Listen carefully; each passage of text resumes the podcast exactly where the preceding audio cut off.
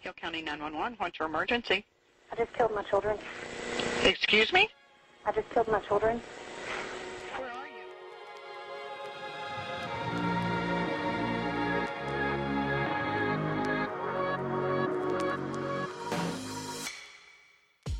Komið sæl og verið hjartanlega velkomin. Það er miðugudagur sem að þýðir bara eitt. Brakandi feskur ítverkþáttur í betni frá Línbót í stúdióinu. Ég heiti Inga Kristjáns og fæðan heiður að tróða mér lengst inn í eirnagöngin ykkar einu sinni viku. Nefn að þið séu ítverk áskriftinni líka.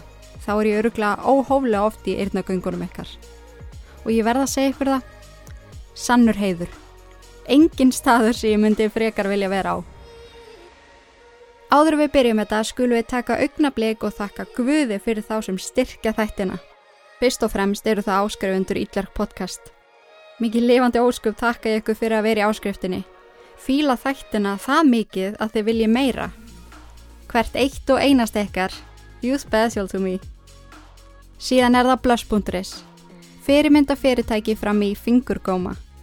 Verslun sem að gerir góða hluti ennþá betri. Með geggiðu úrvali af háklassa kynlífstækjum. Ég er auðvitað með kóðahand ykkur ef eitthvað vantar eitthvað í dótakassan. En þið fáið 10% afslátt af öllu siði vestlið með kóðanum Ítlverk. Ég mæli sérstaklega með Uberloop, nutt óljónum, nuttkertonum og spilinu sambönd. Ég elskat allt. Svo er það Leanbody, elsti styrtaraðili lífsmýns. Ég hef í rauninni unni með þeim frá því að ég var ungur influencer hérna í den. en þar getið nálgast allar þær fæðubótavörur sem að hugurinn gyrnist. Þið getið einni leitað upp í pakka sem heitir Yngupakkin sem að ég setti saman. En það eru þær vörur sem að ég nota mest þessa dagana. Svo verði ég að benda ykkur á að skoða skinni í línuna. Svo lína var að lenda hjá þeim og guðminn góður hvað þetta er gott. Sósur, sultur, súkulaði smjör, salt, karmelun, smjör og brauð, oh my god, allt sem að maður elskar einhvern veginn á aðeins hotlari máta. Nýjasti styrtaræðli þáttarins er svo Balmain á Íslandi. Balmain er ekki bara risi í tískuheiminum, heldur hafa þær einni gefið út háklassa hárvörulínu. Ég er á fulla að prófa mig áfram með allar hárvörurnar og get ekki beðið eftir að segja ykkur betur frá þeim öllum. Eins og staðinni núna er ég algjörlega heldtekinn af lífin hárnæringarspreyinu og elixir hárólíunni. Þetta er orðin mín heilaða tvenna og hárið hefur ángrís aldrei verið betra. Með kóðanum Ítverk fáið 20% afslátt af öllu balmein inn á skuggihár.is. En ok, þátturinn. Ég var að við innihaldi hans. Hann er bæði átakanlegur og skuggalegur og örgulega erfiður fyrir suma að hlusta á. Það snertir alltaf ákveðin streng þegar ég tala um mæður sem að gera börnunum sínum eitthvað ílt. It hits different, eins og maður segir. Þú ert að hlusta á Ítverk podcast sem er hluti af IK Network. Mál Debru Jader. Gjöru þið svo vel.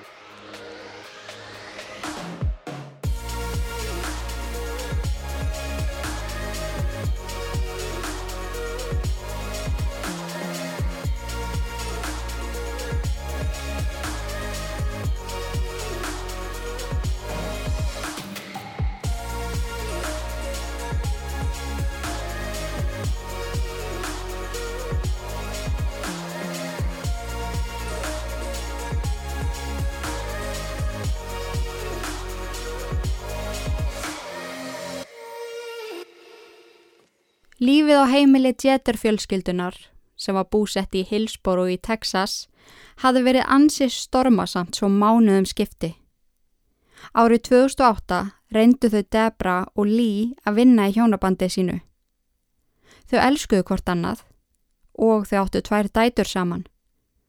Eins og mest megni af fóreldrum þarna úti, langaði þeim að stelpunar ættu fóreldra sem að væru saman, ættu stabílt og hamingjusamt heimili en í mæ 2009 gafst Lee upp.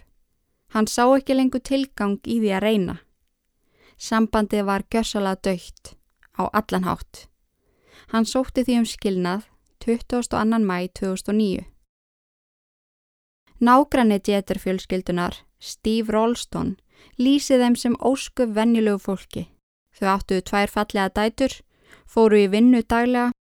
Það var í raun ekkert við þau sem að vakti sérstaka aðtegli hans. Nema jú, í nokkur skipti hafi verið hringt á laurugluna út að látum heima hjá þeim. Hann komstaði setna meir að svo sem hringdi var konan sem að bjó fyrir neðan þau. Eldri kona sem vildi fá sinn frettatíma og svefn án þess að vera tröfluð. Með tvö börn á heimilinu gatt vel verið að stelpunar hafi verið æstar þessi kvöld sem að lauruglan var ringt út. Það var allavega engin sérstök ástæð til að óttast um að eitthvað væri að á heimilinu. Debra tók skilnaðinum ofsala ítla. Hún var ekki tilbúin að skilja við lí. Hún hjælt þau ætlið að reyna áfram. Þegar hann segði henni að þau varu búin að reyna í marga mánuði, næstuði ár og ekkert væri breytt, brotna á neður. Hún lofaði að gera hvað sem er, en Lí vildi ekki heyra það. Þau höfðu hreinlega þroskast í sundur, vildi ekki lengur sömu hlutina, tengdu ekki lengur. Það getur alltaf komið fyrir. Og í fyrsta skipti setti Lí fóti niður og sagðist alls ekki vilja reyna meira. Þetta væri búið. Hann fór og dvaldi á hóteli í nokkra nætur, á meðan þau fyndu út næstu skref, hvar stelpunar erðu og hvernig þau myndu ráðstafa forræðinu. En það var aldrei planið að fara út í einhverjar forræði steilur, allavega ekki á þessum tímapunkti.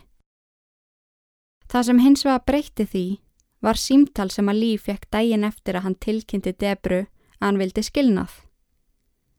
Það var hringt í hann af sjúkrahúsi og honum tilkynnt að Debra hafi reynd að taka eigi líf með báðar stelpunar heima. Fyrir utan hversu hræðilegar frettir þetta voru, þá skiljanlega fannst Lí ekkit sérlega örugt fyrir dætu þeirra að dvelja með móðu sinni, ekki á meðan andlegt ástandennar væri svona. Hún þurfti andlega aðstóð og tíma til þess að rétta sjálfa sig af. Þar sem að skilnaðurinn var að detti gegn þurfti að taka þetta atveik inn í málið. Lester var því tímabundið gefið forræði við stelpunum. Þegar Debra væri tilbúin, gætuðu endur skoða málið. Eftir sjúkrahústölina fekk hún plás á Deep Hall geðsjúkrahúsinu, þar sem hún fekk áframhaldandi meðferð. En þar komu fram óhugnalegar upplýsingar og hegðun Debru var undalegri með hverjum deginum sér leið. Þegar lík kom og heimsótti hana, sagðist hún alltaf taka af honum börnin. Hann myndi ekki komast upp með að taka þær frá henni, sem var aldrei planið hans. Hún reykti í hann og horfi á hann skelvilegum augum. Hún horfi á mig eins og henni langaði að kirkja mig á staðnum, segi Lý setna mér. Hann hafði miklar áhyggjur eftir heimsóknina. Hann vissi að hún myndi á endanum útskrifast. Hvað myndi þá gerast? Eru stelpunar örugar með henni? Eftir að hafa ráðfært sig við lögfræðing var ákveðið að setja tímabundi nálgunabann á Debru. Hún gæti því ekki komið nálægt stelpunum, honum eða heimilinu nema með leifi. Svona fannst Lían geta haft stjórn á aðstæðunum, aðstæðum sem hann ótaðist og þekkti ekki. Hann vildi gera allt sem hann gat til þess að tryggja öryggi dætara sinna. En það virðist sem svo að tíminn lækni sár þegar að kemur að máli djeturfylskyldunar. Það allan að fannst Lí. Hann tók eftir batnandi hegðun Debru, hvernig hún hafði öll róast niður og líktist sjálfu sér ennþá meira. Dægin áður en hún átt að útskrefast af spítalanum fór Lí og hitti dómara. Þar var tekinn svo ákverðun að hann og Debra gætu núna skipt forraðinu aftur á milli sín. Hún hafi ekki sínt fram á neitt sem að þurft af ágjur af og Lí var sammala. Stelpunar trilltust úr spennu þegar Lý sagði um þetta. Þar voru ekki búin að sjá mömmu sín í langan tíma og gátt ekki beði eftir að hitta hann aftur. En þar voru báðar mjög miklar mömmustelpur. Kelsey, 12 ára, yngri dóttir, og Debru, deildi spennu sinni á MySpace síðunni sinni. En þar skrifaði hún. Ég er að fara að hitta mömmu á morgun. Loksins, yey! Um klukkan 6 Sama dag og Debra útskrifaðist kom hún og sótti stelpunar til pappa síns. Þær hlöpu í fangjáðinni og kvöttu pappa sinn. Hann brosti til Debru og fann í fyrsta sinn í langan tíma friði hjartanu. Þetta á allt saman eftir að fara vel. Stelpunnar settust inn í bíl til móðu sinnar, spentu beltin og töluðu hver ofan í aðra. Þar voru svo gladar og spentar. Debra snýr sér við og horfir aftur í til þeirra. Ég ætla að koma ykkur aðeins og óvart. Stelpunnar skríktu og Debra keirði af stað. Þrejum klukkustundum eftir að Kelsey og Leanne kvöttu pappa sinn fekk neyðalínan inn símtal frá Debru sjálfri. Hill County 911, what's your emergency? I just killed my children. Excuse me? I just killed my children. Where are you? Um, I'm in the abandoned house on Highway 77 right after you go underneath the highway. One of them's still alive. Hurry. How, under what highway? You're on Highway 77 where? I'm on Highway 77 right after you go under 35 going towards Milford. Get an ambulance out here to save the one that didn't die. Come on. Hurry up. What's your name? Bitch, call them. Have you already called them? Yes, ma'am, I have. Okay. I need your name. I don't want to say your name.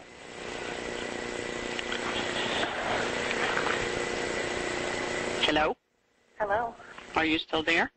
Yes, I'm still here. 77 toward Milford, right after you cross under the bridge. She's telling me she's killed her children.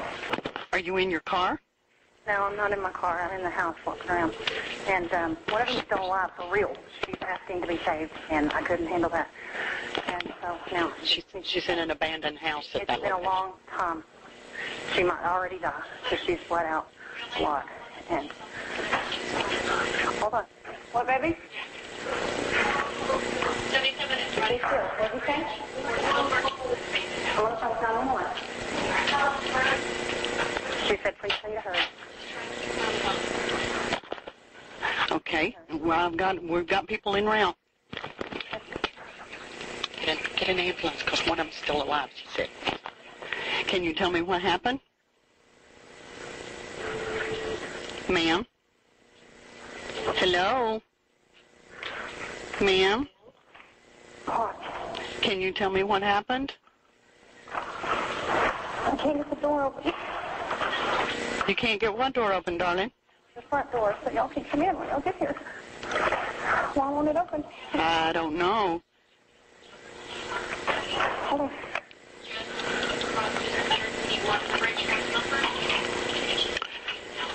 I don't see what one.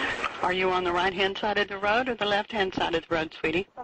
Other house. It's been abandoned. Oh, they know where it's at. Okay, they're coming. They're coming. I just I would just want to try to clarify clarify exactly where they are. Can you tell me what happened? I don't want to say. I don't see any lights. They're not coming. Well, they're on their way. My partner's getting getting them to you just as quickly as she can. Okay. How many?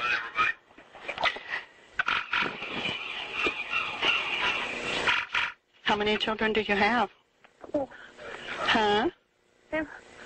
Two? One of them is dead. One of them is dead. She's dead, dead. But the other one, she wants to be saved, and I'm, she needs to be saved. And I don't see any lights. Tell them to get the fuck out here. Honey, they're coming. They're coming.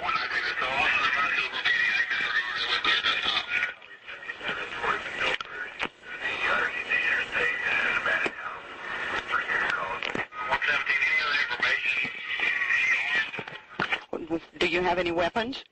Um, I do. I have a knife. She has a knife. Should I throw it away?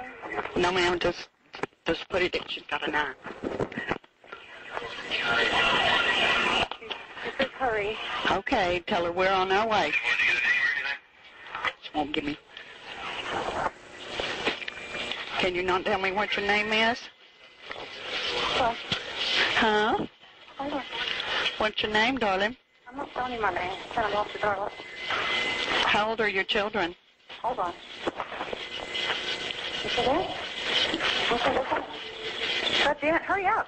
Honey, they are coming. They're on their way.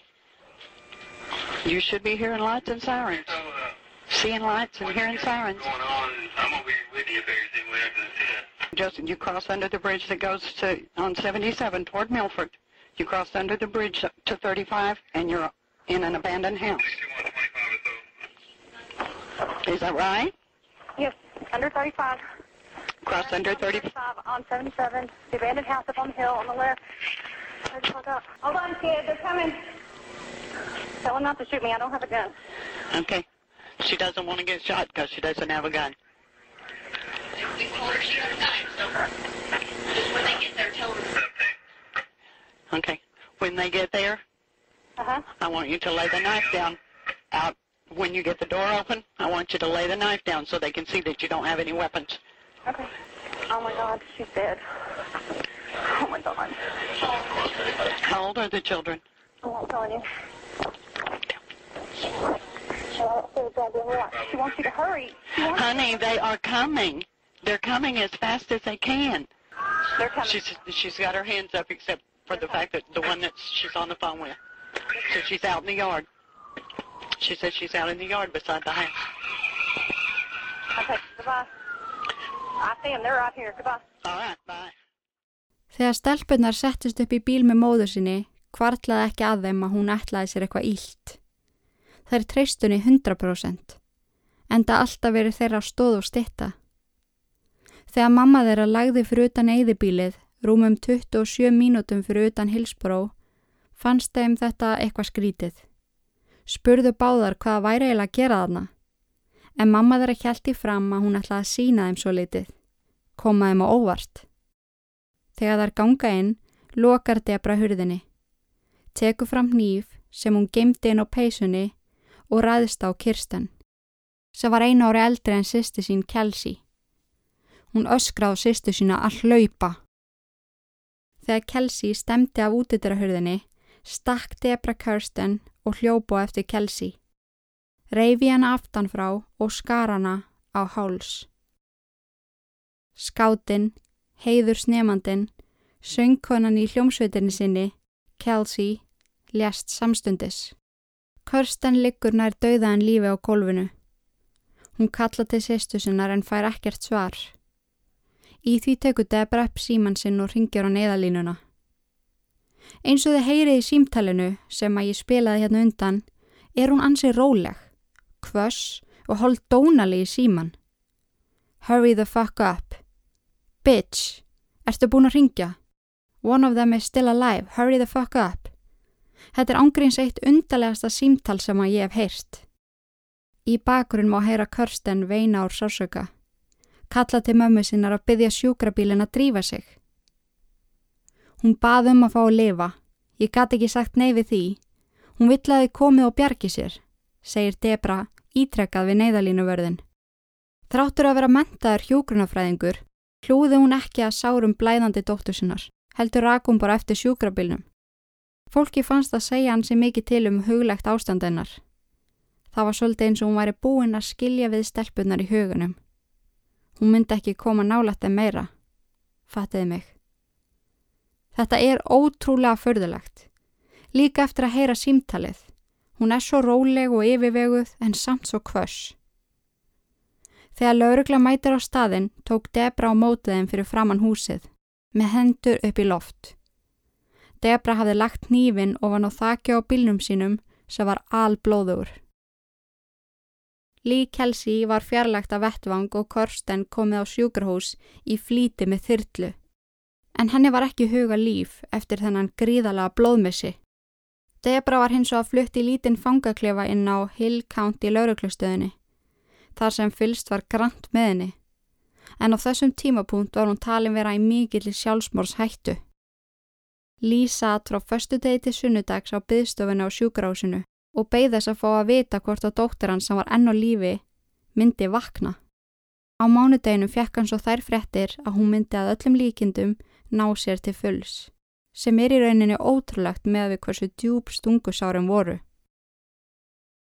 Það kom í ljós eftir viðtalstíma sem að Kirsten fór í með barnasálfræðing að ástæðan fyrir stungusárinu á bakinu var því hún reyndi að skíla sýstu sinni. Mamma þeirra hafði lofað þeim að horfa á American Idol þegar þær keimu heim. Hún hafði ekki sagt neitt á meðan hún stakk þar.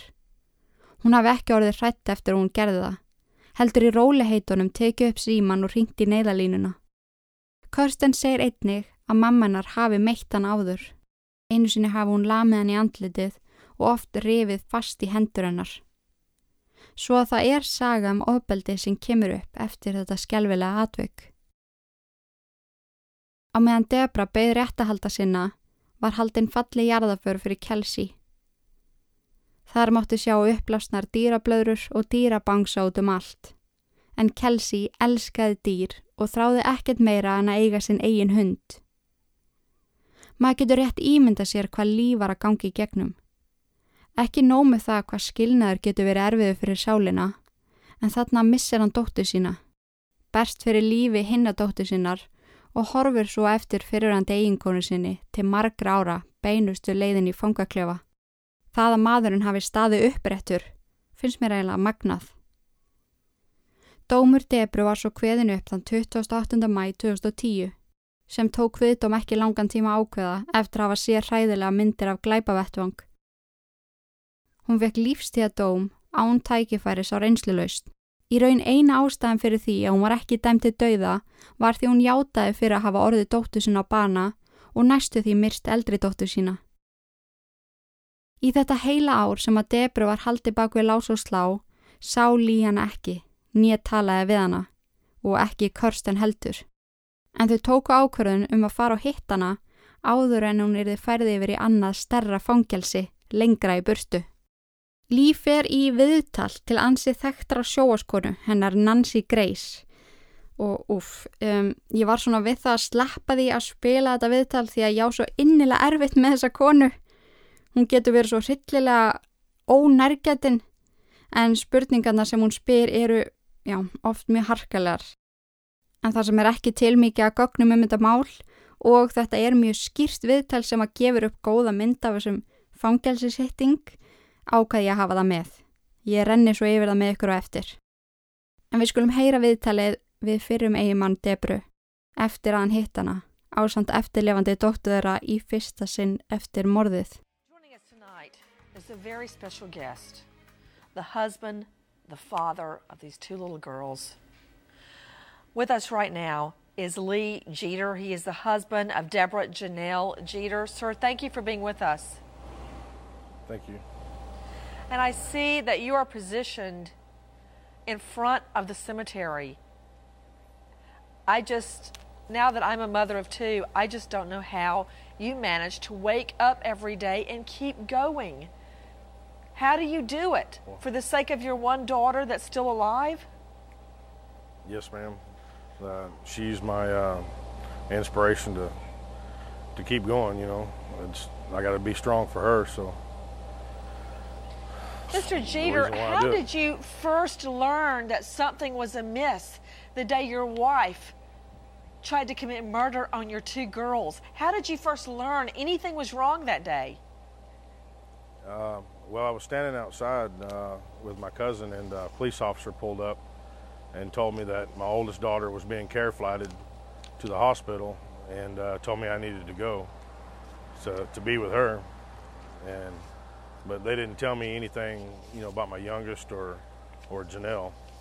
Did they tell So, you uh, what had happened? They just said, Your daughter's on the way to the hospital, you've got to come right now? That's that's pretty much what they said. When did you learn so- your other daughter had been murdered by her mom? Well, well, I, I kind of pieced it together because, you know, usually if there's an accident or what have you, they'll they'll tell you about everyone in the accident, but nobody, everyone I spoke to, nobody mentioned Kelsey. Oh. You know, they just mentioned they mentioned that uh, Kirsten was in surgery, and uh, they mentioned that uh, they had Janelle into custody, and uh, I kept asking about Kelsey, but nobody knew, nobody would tell me, and the sheriff's office kept telling me that the sheriff himself was going to call me, and so I just I kind of pieced two and two together, and uh, the surgeon come out, and the first time I found out what had actually happened is the surgeon come out and told me that he had sewn Kirsten's neck back together, and uh, the surgery went well. And uh, he said, Wait a minute, wait a minute. He sew, s- sewed her neck back together? yeah, or the, stitched it back, to, uh, the inside, because How uh, bad? one of What, her what was the injury? she was cut from from one side of her neck all the way to the other, and um, her airway was cut, and one of her main main arteries were cut, so they had to stitch those back together, and then um, I guess they glued her neck. Actually, the the main cut they glued it back together. Mr. Jeter, I, I, I just, I don't understand it. Your wife, I mean, this was not postpartum depression. You know, they were 12 and 13. Yes, ma'am. She was angry that you wanted a divorce. Yeah, she. Uh, I actually spoke with her right after they sentenced her to prison, and uh, which was the first time in almost a year. And she told me that she was heartbroken and was hurting that bad, and she felt that if she was hurting so badly, then me and the girls must have been hurting so badly. So she was going to take away all of our pain. And uh, Is it true that she tells you, and this is your first visit to her behind bars, which has just happened recently, that she had planned to kill both children and then come after you and kill you too? Ye- yes, ma'am. Yes, ma'am. She was said she was going to kill me in my sleep. Mr. Jeter, you stated that you spent time with her, but she wouldn't talk about Kelsey, your daughter, just 12 ma'am. years old, dead. And I, I don't know if you know, I'm a new mother. My children are two and a half. I've got twins. And I can't even imagine, thank you, sinking all your love, all your hopes, all your dreams into your girls every single day, and then discovering the unthinkable had happened. That one had been murdered, one, the other's neck slit open by their own mother. When you tried to bring up Kelsey's name to her, what would she do? She just didn't want to talk about it. She would speak of something else. She mainly wanted to talk about why she did it and her feelings. And And about how she was angry at you? yes, ma'am. Lee, so while, you finally see her after all this time behind bars, what did she have to say about your little girl that lived? Um, well, she said she was proud that she's doing good, and um, she, of course, she had told her that she was sorry and uh, did wanted her to know that she didn't want her dead, didn't hate her, and um, she's real happy that she's able to move on. And uh, How is she doing? Is she, quote, moving on? Because I know how close I am to my brother and sister. I know that the first thing Lucy says in the morning is, Where's John David? And the reverse. So, how is your daughter doing after the murder of her sister? you know, naturally she misses her, but uh, she's actually doing really well. She uh, completed the, the whole school year. She's doing real good. She's always got a smile on her face.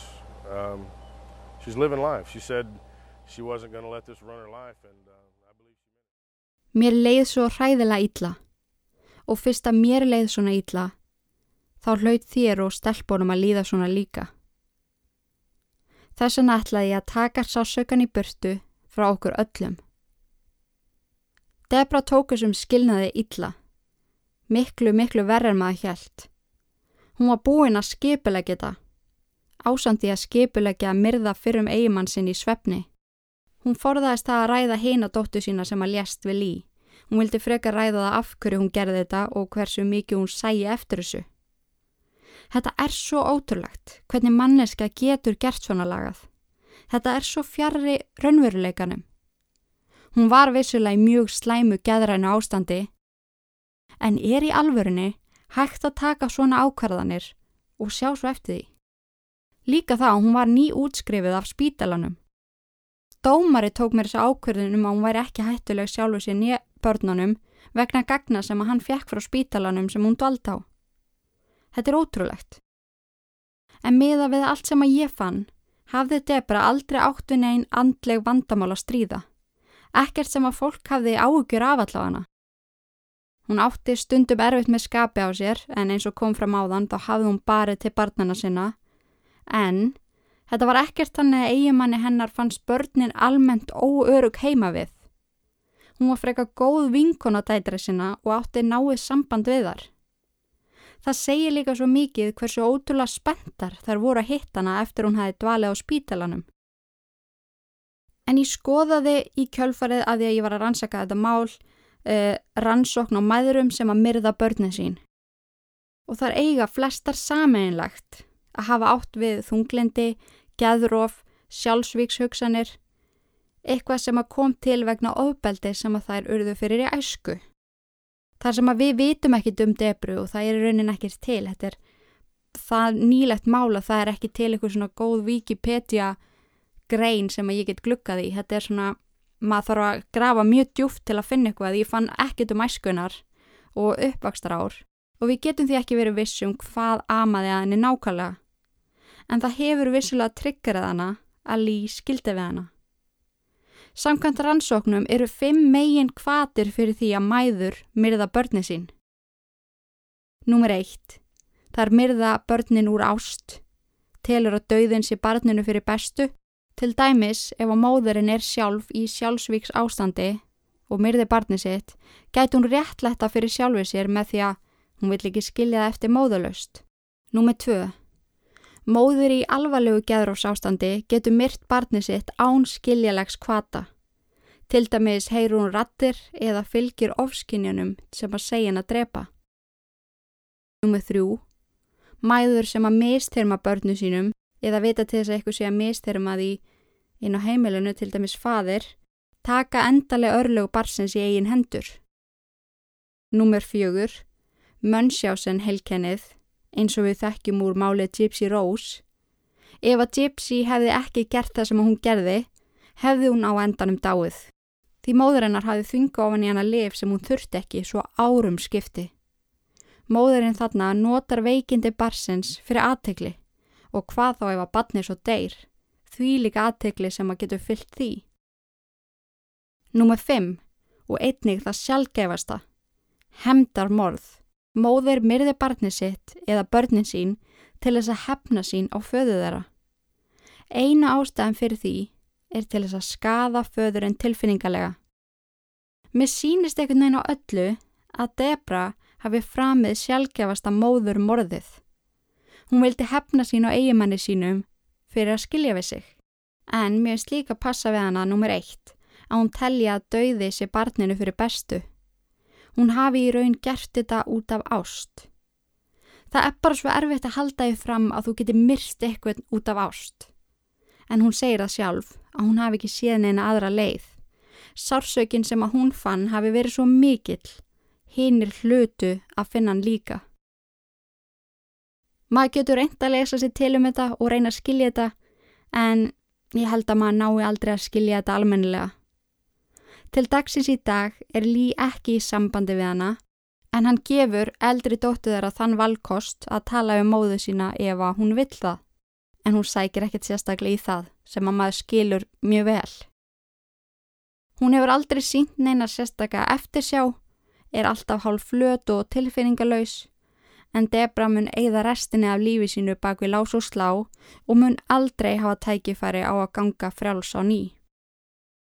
Eins og Lee segir í viðtalinu við Nancy Grace, bæðu vei, eru þið sammála mér? Finnst ykkur hún ekkit harkaleg við hann? Já, stundu svo erfitt með þessa blessuðu konu. En eins og kom fram í viðtalinu, gengur Kirsten vel. Hún er brósmild og kátt stelpa og gengur vel í skólanum og hún og pappinar eru heppina eiga kort annað og verðastu bæði ekki ætla að láta þennan hræðilega atburð eiðilegja lífsitt.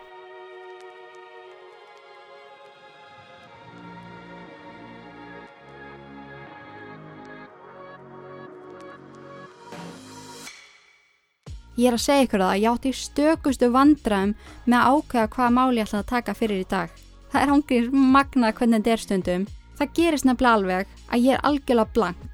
Það er einhvern veginn ekkert sem að vekur áhuga minn. Ég er mega lengi að velja hvaða máli ég ætla að segja ykkur frá. En stundum er svo mikið að ég geti gefið út þátt á hverjum degi. En ég rakst á þetta mál bara fyrir tilviljun um daginn og mér fannst 911 símtalið svo áhugavert að ég varð að skoða þetta mál betur. En ég vona allavega að dagurinn ykkar verði góður. Ég meina sun is shining, smá jarðskjáltar til að hrista okkur aðeins í gang. Það hóst smá, þetta var endur ekkert smá. Ég bý í Garðabæ og það var allt á fullu hérna. Ég geti rétt ímynda með hvernig þetta var á jarðskjáltarsvæðunum sjálfum. En þið muni bara binda fyrir spariskápuna, rífa niður af veggjunum til öryggis og fara varlega. En áður ég hveð ykkur langaði með að minna ykkur á ítverk áskriftarleðina. Þeir sem að hafi ekki gjörsalega fengið upp í koka mér geti komið í áskrift fyrir 990 krónur á mánuði og þannig fengið 10 ekstra þætti mánaðalega. Og það er eitt annað að bætast inn í áskriftarleðina. Ég er ekki búin að segja hennu frá þessu en kannski hendi ég þessu bara hérna inn. Þið eru þá þau fyrstu sem fá að heyra the tea. En ég og litli bróðu minn sem er reyndar 24 ára gammal uh, og by the way, margir kvenkins íllverk aðdándir spyrja mig reglulega úti en við erum að fara af stað með nokkus konar vlog eða videoblog þar sem við ætlum að heimsækja staði á Íslandi þar sem framtir hafi verið glæpir, morð, inbrot og fleira áhugavert. Við munum spjalla lauslega um málið og leif ykkur svo að koma með okkur og heimsækja staðin. Við erum mega spennt og við vonum að áskrifendur séu það líka. Þannig, skellið ykkur inn á ítler.is, skráið ykkur í áskrift. Það er ykkur í 65 þættir sem að þið fáið aðganga strax eða þið fáið bara aðganga öllu því auka efni sem að ég hef nokkuð tíma gefið út og svo þetta videoblogg hjá okkur einari bróðir sem við ætlum að reyna að gera einu sinni í mánuð eitthvað svo leiðis. Þannig, gaman saman, hafðbar hann. en ég þakka ykkur kærlega fyrir að hlusta. Takk fyrir að vera til og í guðana bænum forðist öll ítverk nema þetta podcast. Verið sæl.